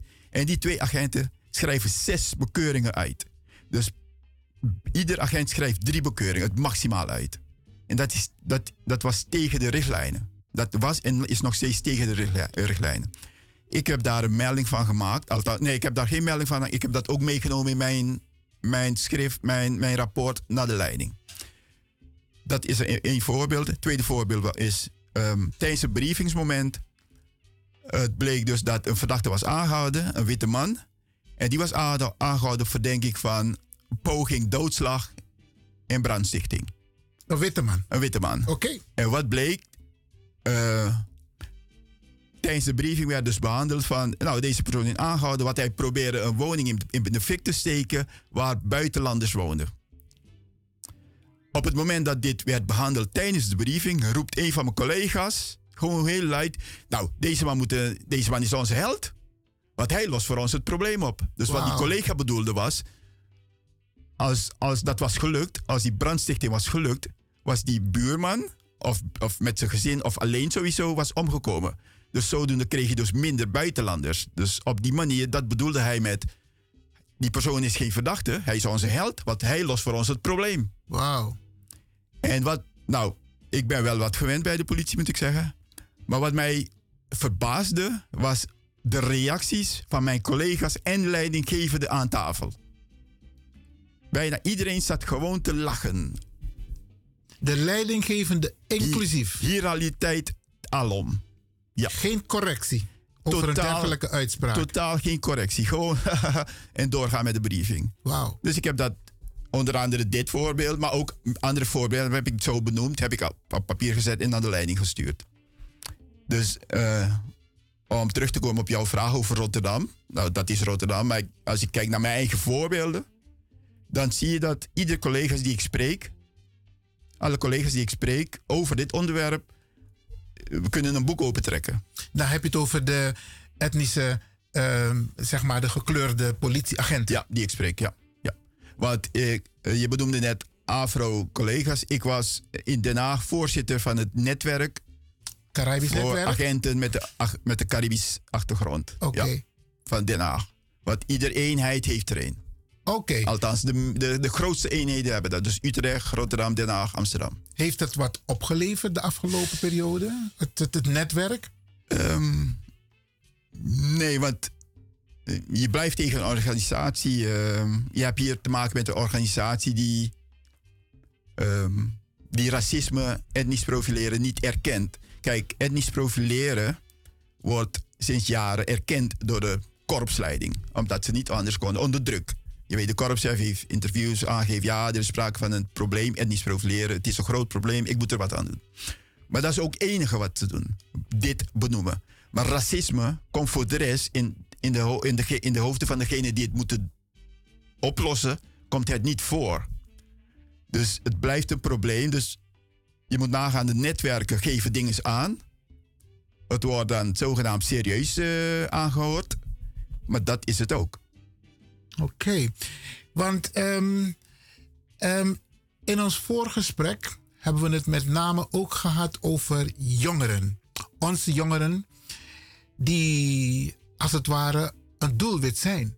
Want als ik jou zo hoor praten, dat er al op um, de, bij de briefing wordt aangegeven, we gaan ons richten op de anders gekleurde Nederlanders, dan vraag ik me af um, hoe het zit met onze jongeren. Ja. Um, kijk, met dat voorval, toen ik. Uh, want ik maakte melding van. Ik, ik was tijdens de briefing. En dat was de zoveelste briefing. Wat ieder, bij ieder aanvang van een dienst wordt er een briefing gehouden. En na einde dienst een debriefing. Dus bij aanvang van mijn dienst hoorde ik dat. Dus ik dacht, wat pardon? Dus ik heb na de briefing direct aangegeven wie heeft dit opgesteld. En ze schrok een beetje van mijn reactie. Ik, ik, nee, ik wil weten wie dit opgesteld is. Dus to, toen kreeg ik te horen, ja, het is de bureauchef. Ik zeg, prima, dan ga ik naar de bureauchef. Dus ik heb er toen wat van gezegd. De, bureaulijn, de bureauchef die zei, ja, nee, nee, nee, ik heb het niet zo bedoeld. Dus een hele, uh, nee, nee, oh nee, daar weet ik niet van. Dus maar, die gaf maar het staat direct, zwart op wit. Ja, maar dus hij gaat zoiets van, ja, de, de, de, de leidinggevende die tijdens de briefing riep van, ik doe dit in namens de bureauchef. Oké. Dat was de uitspraak. Dus de bureauchef zei, nee, ik weet van niks. Nee, nee, nee, dat moet je niet bij mij zijn. Ik zei, nou, ik moet, ik moet wel bij jou zijn. En wat ga je eraan doen? Dus heeft hij toen een communiqué uitgestuurd richting iedereen, iedere collega's van het bureau van, dit heeft zich voorgevallen. Dit gaat niet meer gebeuren. Eh, Een soort van gedragsregels. Hoe om te gaan met, met, met, met, met jongeren.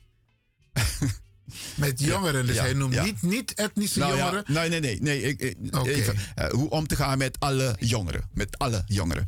Maar het feit alleen dat hij op dat moment zich geroepen voelde om zo'n zo'n communiqué uit te geven, geeft aan hoe naïef we bezig zijn. Want, want dat hoefde hij niet meer te doen. Volgens mij moest dat al lang bekend zijn bij iedereen. Maar het feit dat leidinggevenden zo'n boodschap doorgeven, betekent, was voor mij het bewijs dat dat gangbaar was op ons bureau. Alleen ik kwam daar toevallig achter. En doordat ik ja, een beetje stampij hoef, maar nou niet geen stampij. Ik, ik stapte letterlijk naar de, naar de bureauleiding. Ik zeg, bureauchef. Oké, en hij was daar eigenlijk van geschrokken. Hij was nou ja, dat zei hij. Ja. Dat- de vraag is of dat terecht was. Of Nou, zeg was. jij in dit gesprek, Dennis, van ehm, daar is een bepaald patroon binnen, de, binnen het korps als het gaat om het gedrag naar mensen met een etnische afkomst. Heb je wat tips voor de jongeren met name, of voor de mensen, voor onze mensen, hoe ze zich moeten opstellen als ze worden staande gehouden door de politie? Wat Eh. moeten ze sowieso niet doen en wat kunnen ze wel doen? Nou ja, ehm, kijk, wat, wat vaak gebeurt is de politie die in heel veel gevallen vraagt de politie lukraag om ID-kaart. Ide- identiteitsbewijs. Identiteitsbewijs, ja. De politie mag je dus alleen naar een ID-kaart vragen op het moment dat ze jou verdenken van iets. Of je hebt een overtreding begaan of een strafbaar feit, of ze verdenken jou van iets. Moeten ze dat zeggen? Ja, de politie moet Wat- wat- reden van Ja. hun staanhouding of aanhouding kenbaar maken aan degene die ze van. houden. Ja. Oké. Maar zonder verdacht zijn, het kan ook zijn dat de politie ehm, jongeren ziet die ehm, ja, ergens hangen op straat. Jongeren moeten ervoor zorgen dat ze niet achter een bord gaan staan waar staat verboden toegang. Maar dat is, een, dat, is een, dat is een strafbaar feit. Als je daar achter gaat staan, maak je je schuldig aan een strafbaar feit. Dus dan mag de politie jou op dat moment wel vragen naar je idee wat ze gaan een bekeuring uitschrijven. Maar op het moment dat je zeg maar, met je vriend of twee vrienden op straat zou lopen, capuchon op. En je loopt gewoon rustig op straat, voor de rest niets aan de hand. En de politie denkt, ja, ik wil even weten wie je bent. Eh, het moment dat de politie dat vraagt, vraag terug van waarom wil je mijn ID-kaart zien? Vraag. Waarom? Is de, Waarom, waarom, wat, is de reden dat, wat is de reden dat je mijn ID-kaart wil zien? Ja, oké. Waar verdenk jij me van? Want volgens mij, ik doe niks, dus waarom wil je mijn ID-ka- ID-kaart zien? Is het uit nieuwsgierigheid? Want dat is wel iets wat heel vaak voorkomt, dat de politie uit nieuwsgierigheid ID-kaarten vraagt. Oké. Ja. Maar dat Dus er is mag- geen reden, maar gewoon Nee. nieuwsgierigheid. Nee, En dan gericht op mensen met een kleur. Ja, omdat dat. Kijk, ehm, er zijn rapporten zat. 15 december, jongsleden, kwam er staatsrapport, staatscommissie racisme uit. Met een rapport over discriminatie in Nederland. Het zit in de hoofden. Het probleem bij de politie is. Is dat. Dat het in de hoofden zit. Maar dat zij, eh, dat zij niet zo zien. Voor de politie is in feite niets aan de hand. Ze zien het normaal als hun het werk. Is, het is het moment dat je daarover begint, draaien ze de rollen om. Ja, we worden beschuldigd van discriminatie. Dus ze gaan in feite slachtoffer spelen. In plaats van ingaan op de problemen waar niet-witte jongeren mee dealen. Maar goed, om terug te komen op je vraag. Dus jongeren, ehm, eh, eh, hou ook rekening waar je je bevindt en wat je doet. Ehm, eh, vraag altijd naar de redenen. En mijn tip aan, de politie, aan jongeren zou zijn: op het moment dat een politieman of politiemensen jou benadert, neem jouw telefoon en neem het op. Het gesprek. Want ja, het gesprek. Wat je gaat krijgen is Ehm, de politie die gaat iets op proces, op, op, op, op papier zetten. En die gaat A vinden. Terwijl het misschien totaal anders was. Op het moment dat jij zegt van het is niet waar, zal men het woord van de politie aannemen. Op het moment dat je je telefoon had en alles had opgenomen, heb jij je bewijs. Dus neem de gesprekken op. Zit niet alleen naar TikTok te kijken of naar Facebook. Is allemaal mooi, doe dat. Doe dat vooral, want dat bepaal je zelf. Maar gebruik jouw telefoon ook als jouw beschermheer, als jouw getuige. Want dat kan jou heel veel narigheid besparen. Als je daar gebruik van maakt. En dat, mag opnemen van het gesprek. Moet je dat van tevoren melden? Nee. Je hoeft dat in het geheel niet te melden. Sterker nog, je mag de politie filmen. Je mag filmen. Je mag de politie op de openbare weg filmen. Je mag iedereen, je mag iedereen op de openbare weg filmen. Man, vrouw. Het moment dat jij dat mag, hou rekening mee dat anderen jou ook mogen filmen. Dus dat is. Maar jij mag dus alle agenten filmen. Wat de politie soms doet, ze kan naar je toe komen. Als je je camera nu weglaat, eh, wegzet, ga ik het in beslag nemen. Mag dat? Dat mag dus niet. Oké. Dat mag niet zomaar. Die agent moet een reden hebben. En wat kan een reden zijn dat hij Eh, zegt ik neem het in beslag? Dat zij denken dat je het gestolen hebt. Ik noem maar iets. Maar eh, ja, Dat ik, kan ik kan geen- ik is kan- een makkelijk argument. Maar precies, ik kan dus geen argument verzinnen. Dus daarom moet je vragen wat is de reden. En bovendien, als die agent dat tegen jou zegt, vraag aan die agent wat het staat op camera, op beeld. Eh, jij zegt nu tegen mij dat ik mijn camera weg mag wegdoen. Klopt dat? Check het bij je. Want het moment dat hij zegt ja, staat het ook op beeld. Of, sorry, het- je hebt het opgenomen. En dan kan je later via advocaat een zaak aanhangig maken tegen de politie. Want dat mag dus pertinent niet zomaar. Wat de politie doet, ze gaan bijna nooit tegen jou zeggen, of in de meeste gevallen gaat de politie nooit tegen jou zeggen: Ik wil niet dat je filmt. Wat doet de politie? Ze gaan een andere truc gebruiken tegen jou. Ze gaan tegen jou zeggen: Ik wil dat je nu weggaat, want ik, je, eh, ik voel me bedreigd. Je komt aan mijn veiligheid. Dat is wat gangbaar is binnen de politie. Omdat zij dus ook weten dat ze niet zomaar tegen jou mogen zeggen: stop met filmen. Maar dan gooien ze het over een andere boeg. Ik wil dat je nu weggaat. Eén ding. Op het moment dat een politieambtenaar tegen jou zegt op de openbaar: ik wil dat je nu naar achteren stapt, doe dat. Blijf niet als een soort hulk staan. Ja, nee, doe dat. Kijk, het moment dat je filmt, staat ook op beeld dat je naar achteren loopt. Ja, ja, oké. Loop, stel je, eh, wat meestal bij aanhouding. Ze zijn bezig met die- misschien iemand aan te houden, of je kennis, of gewoon een burger, en jij staat te filmen. De politie wil geen bewijs. En jij verzamelt bewijs. Dus ze gaan je wegsturen. Maar ze gaan het gooien op, ja, je komt te dicht bij mij, dus ik voel me bedreigd. Dus ik ga jou aanhouden. Maar dan heb je La- dus nu over iemand die staat te filmen. Maar de persoon die staande is gehouden? Ja, mag je ook filmen. Oké. Ja. ja. Kijk, die agent kan tegen jou zeggen: ja, hou die camera niet in mijn gezicht. En dat moet je ook niet doen. Toch? Want dat kan een beetje irritant overkomen voor die agent. Maar als je gewoon filmt en bovendien, als je het opneemt, heb je ook alles op. Je hoeft het niet per se in het gezicht van die agent te houden. In je hand, of in je borstzak, of in een broekzak, neemt hij nog steeds alles op. Dus doe dat voor je eigen. Ja. Nou, nogmaals, het moment dat de politie jou wegstuurt, want dat wil ik even duidelijk maken, doe dat. Stap naar achteren en ga door met filmen. Stop nimmer met filmen. Want het moment dat je stopt, is er geen bewijs voor wat zij gaan doen. Want het moment dat zij of die persoon mishandelen, of ze houden hem onterecht aan en je hebt het niet gefilmd, is het hun woord tegen dat van jou. En je maat of, of, of je broer of je zus. Want het komt ook voor, onze jongeren rijden soms mooie auto's. Ja. Ik weet nog, mijn oom, broer van mijn moeder, die woonde in Eindhoven.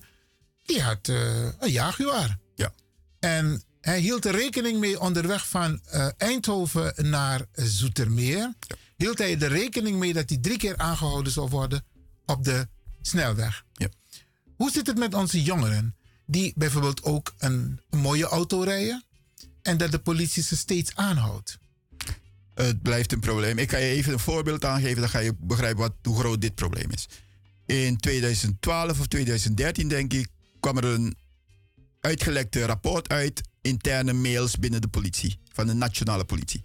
En in die mail stond dat, en dat weet ik zelf, en dat dus die, de inhoud klopte volledig. In die mails, ik denk honderden mails, gaven politiemensen elkaar instructies via het internet. Intranet is een eh, interne mail binnen de politie. Alle politie zitten daarop. Ja. En als je iets tikt, dan staat jouw naam en dienstnummer. Dus het is her, Herkenbaar. Herleidbaar naar wie dat gedaan heeft. En alle agenten, vrij en onbevreesd, schreef ze daarop. Als jij iemand staande houdt, een- nee, als jij een donkere gast staande houdt, moet je nooit vertellen dat jij wist dat hij donker was. Je moet, pas, je moet zeggen dat je pas in de gaten kreeg dat hij donker was toen je bij hem of haar stond. Vreselijk. Dus de agent gaven elkaar instructies om te liegen. Intern op het net van de politie. Alles en iedereen, de korpschef van de hoogste tot de laagste in rang, kon dat lezen. Al die agenten zijn nog steeds in dienst. Dus niet... Dus eh, wanneer jij het hebt. Ja, dus ja, wanneer jij het nu hebt over dat wij, dat, donk, dat donkere jongens worden opgejaagd of opgezocht. Wat denk je dan?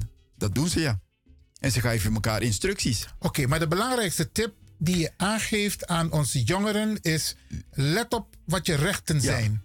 Je mag een agent vragen wat de reden is dat je staande bent gehouden. Staande, Sterker hè? nog, en die agent is verplicht jou te vertellen. Oké. En dat moet je altijd doen. Ik, ik, no- ik, ik nodig bij deze alle jongeren uit. Op het moment dat je bent staande gehouden door de politie, vraag wat de reden is. Kijk, maar dat is geen probleem. Want de agent gaat zeggen: ja, ik, eh, ik wil een, een rij, rijkentekenbewijscontrole. En dan mag De je politie vragen heeft- waarom? Ja, oké, dat mag. De politie heeft de bevoegdheid om ehm ten alle tijden je naar je rij- of kentekenbewijs te vragen. Dus dat is wel een probleem in onze wet. Ben je verplicht het Jij bent uit handen dat- te geven? Jij bent. Oké, dat is een andere discussie. Eh, maar even dan, ik wil het even afmaken. Het moment dat de politie vraagt naar je rijbewijs, zonder dat je een overtreding hebt gehad, ben je nog steeds verplicht om jouw rijbewijs of kentekenbewijs af te geven. Of Af te laten. Ja, oké, ja, je bent scherp. Jouw, jouw vraag is: ben je verplicht het af te geven in de Ja, hand? uit handen, ja. Ehm, eh, eh, daar wil ik me nog niet eh, op, op, op, op toespitsen, zeg maar, om daar oordeel. In feite is het ter inzage afgeven. De politieagent kan dat anders interpreteren. Die kan zeggen, ja, nee, ik, eh, ik, ik wil hem uitschrijven en ik wil het uitschrijven in de auto. En zo kan ik het niet uitschrijven. Dus die gaat, op dat moment gaat die agent van alles verzinnen en bedenken en tegen jou roepen. En het moment dat je dat niet doet, wat gaat die agent tegen jou nu gebruiken? Jij weigert. eh, Wat, nee, wat hij gaat doen is, hij of zij gaat vorderen. Je wil het niet afgeven, je gaat nu vorderen. En als je het niet afgeeft, ga ik je aanhouden wat je werkt tegen. Oké. Of ik schrijf een bekeuring uit dat je je rijbewijs niet bij je had. Of...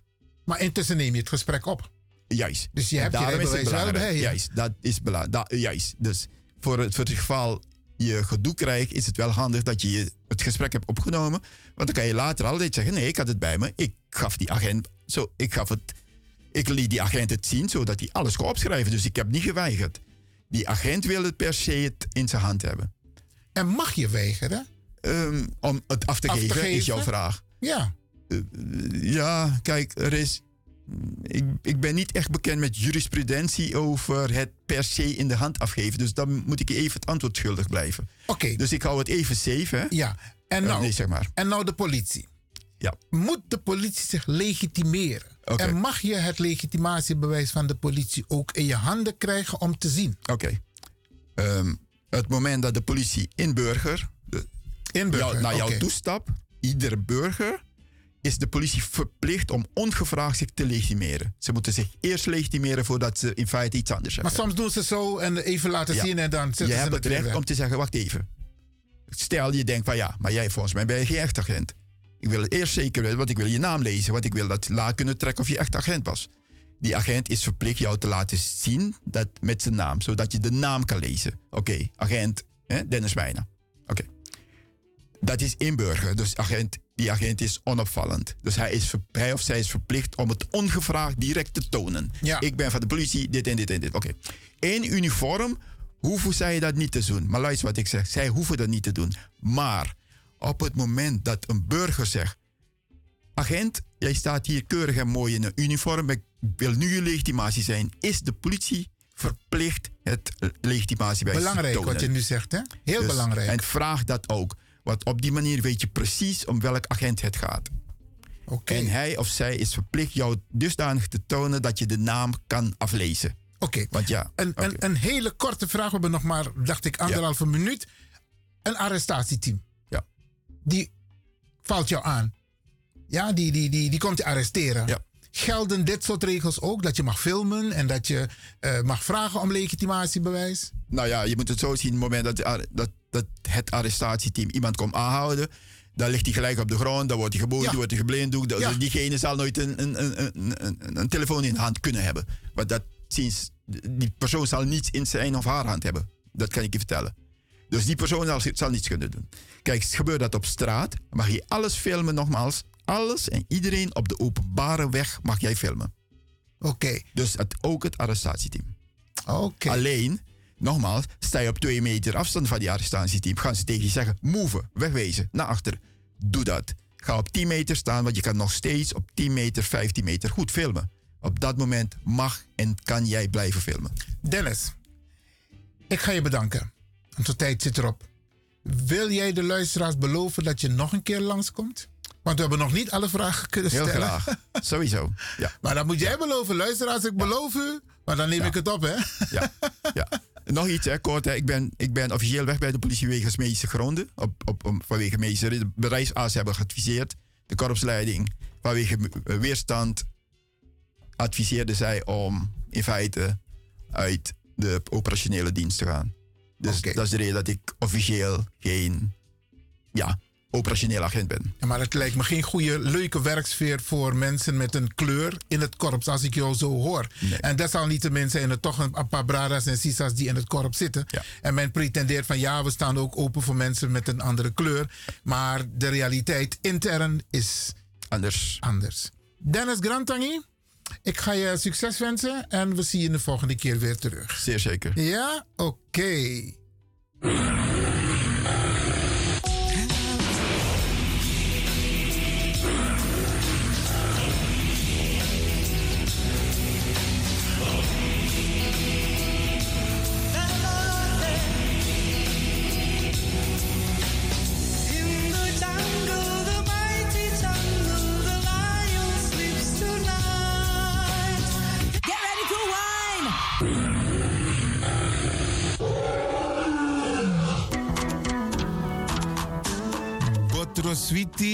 Maar bari mustapu. Lekker is maar één vinger lang. Ik ga u bedanken, in het bijzonder DJ X-Don en al die mensen die hebben meegewerkt. En ook de Pastor en iedereen die heeft geluisterd. En ik beloof u, vrijdag zijn we er weer hier bij Radio de Leon.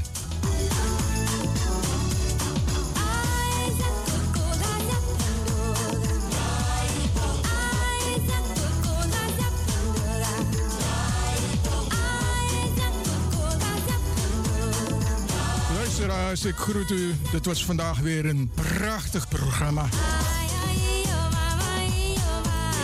De uitzending die aan het groeien is. Radio de Leon op en top. En DJ Exton is going home.